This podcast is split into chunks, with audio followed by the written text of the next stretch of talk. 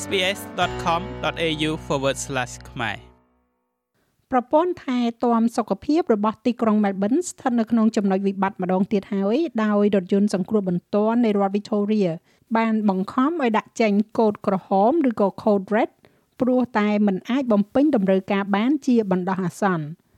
រដ្ឋាភិបាលរដ្ឋនេះបានរងការរិះគន់ចំពោះការមិនចេញនៅសេចក្តីជូនដំណឹងជាសាធារណៈថាបុគ្គលិករថយន្តសង្គ្រោះ កំពុងតែប្រតិបត្តិការក្រោមពិធីសារគ្រាអាសន្ននៅមុនពេលពាក់កណ្ដាលអាត្រៀតបន្តិចនៅយប់ថ្ងៃច័ន្ទទី27ខែមិថុនាតម្រូវការលើសេវារថយន្តសង្គ្រោះបន្ទាន់ Ambulance Victoria បានឈានដល់ចំណុចដែលប្រើអស់ពីលទ្ធភាពជាលើកទី6នៅក្នុងឆ្នាំនេះ។ Ambulance Victoria បានអនុម័តនីតិវិធីកូដក្រហម មានន័យថាករណីមិនសូវធ្ងន់ធ្ងរដែលហៅទូរស័ព្ទមកលេខ03ដងអាចត្រូវណែនាំឲ្យអ្នកជំងឺទៅមន្ទីរពេទ្យដោយខ្លួនឯងប៉ុន្តែលោក Justin Dunlop នាយកគ្រប់គ្រងគ្រាអាសន្នរបស់ Ambulance Victoria និយាយថាมันមានការចេញសេចក្តីជូនដំណឹងជាសាធារណៈទេ Now the period was so short រយៈពេលនោះគឺវាខ្លីដែលមិនចាំបាច់ជូនដំណឹងដល់សហគមន៍នៅយប់ថ្ងៃច័ន្ទនោះទេព្រោះវានឹងនាំឲ្យមានហានិភ័យផ្សេងទៀតលោកនិយាយថាកង្វះខាតយ៉ាងខ្លាំងនៃក្រុមគ្រូពេទ្យរថយន្តសង្គ្រោះមានរយៈពេលត្រឹមតែប៉ុន្មាននាទីប៉ុណ្ណោះប៉ុន្តែនីតិវិធីកូដក្រហមនៅតែមានក្នុងរយៈពេលប្រមាណជា4ម៉ោងអ្នកនាំពាក្យផ្នែកសុខាភិបាលរបស់គណៈបកប្រឆាំងនៃរដ្ឋ Victoria លោកស្រី Georgie Crozier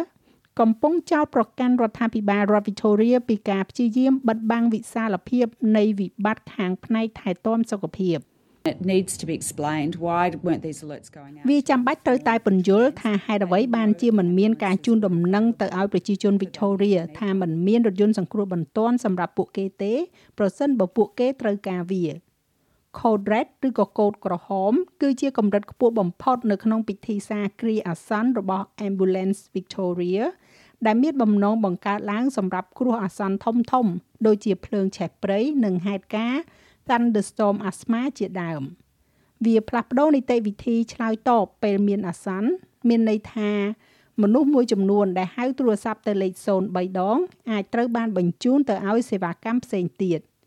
លោក Justin Dunlop របស់រថយន្តសង្គ្រោះបន្ទាន់ Victoria និយាយថាបុគ្គលិកមួយក្រុមតូចនៃរថយន្តសង្គ្រោះនៅតែបញ្ឈរជើងចាំសម្រាប់ករណីធ្ងន់ធ្ងរ I've got to stress at all times there were ambulance ខ្ញុំបានបញ្ជាក់គ្រប់ពេលថានៅមានរថយន្តសង្គ្រោះដើម្បីធ្វើការឆ្លើយតបប៉ុន្តែយើងកំពុងធ្វើការរឹតបន្តឹងដើម្បីរក្សាទុកនិងការពារទុកសម្រាប់ប្រជាជន Victoria ដែលឈឺធ្ងន់បំផុត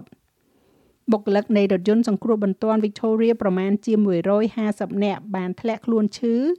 ឬផ្ដាច់ខ្លួនឯងចេញឆ្ងាយពីគេដោយសារតែ COVID ឬក៏សុំច្បាប់ឈប់សម្រាកមើលថែទាំអ្នកដទៃកាលពីយប់ថ្ងៃច័ន្ទដើមសប្តាហ៍នេះបញ្ហាកង្វះខាតបុគ្គលិកដែលកំពុងតែបន្តកើតឡើងជាមួយនឹងបន្ទុកការងារកើនឡើង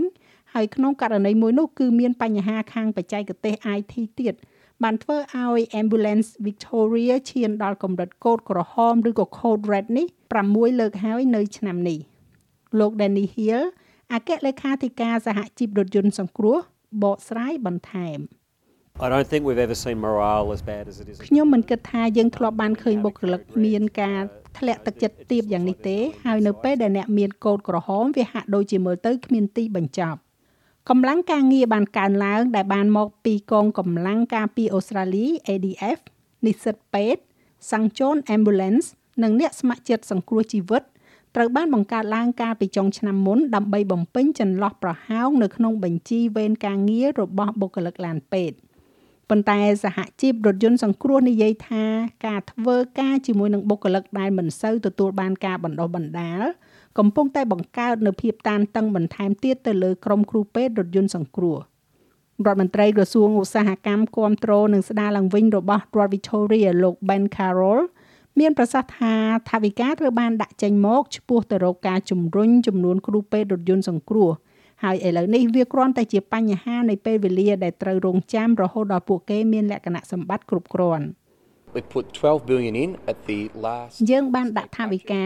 12,000លានដុល្លារទៅក្នុងកញ្ចប់ថវិការដ្ឋចុងក្រោយនេះយើងបានជ្រើសរើសគ្រូពេទ្យរថយន្តសង្គ្រោះចំនួន2000នាក់ហើយ700នាក់ផ្សេងទៀតស្ថិតនៅក្នុងកញ្ចប់នេះ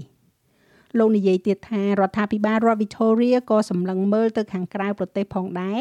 ជាផ្នែកនៃផែនការដ៏ទូលំទូលាយមួយក្នុងការជំរុញកម្លាំងពលកម្មផ្នែកថែទាំសុខភាព We're recruiting uh, overseas, not just យើងកំពុងជ្រើសរើសបុគ្គលិកនៅបរទេសមិនត្រឹមតែគ្រូពេទ្យរថយន្តសង្គ្រោះប៉ុណ្ណោះទេប៉ុន្តែនៅមានអ្នកជំនាញផ្នែកថែទាំសុខភាពជាច្រើនទៀតដែលបានដំណើរការអស់រយៈពេលជាច្រើនខែមកហើយ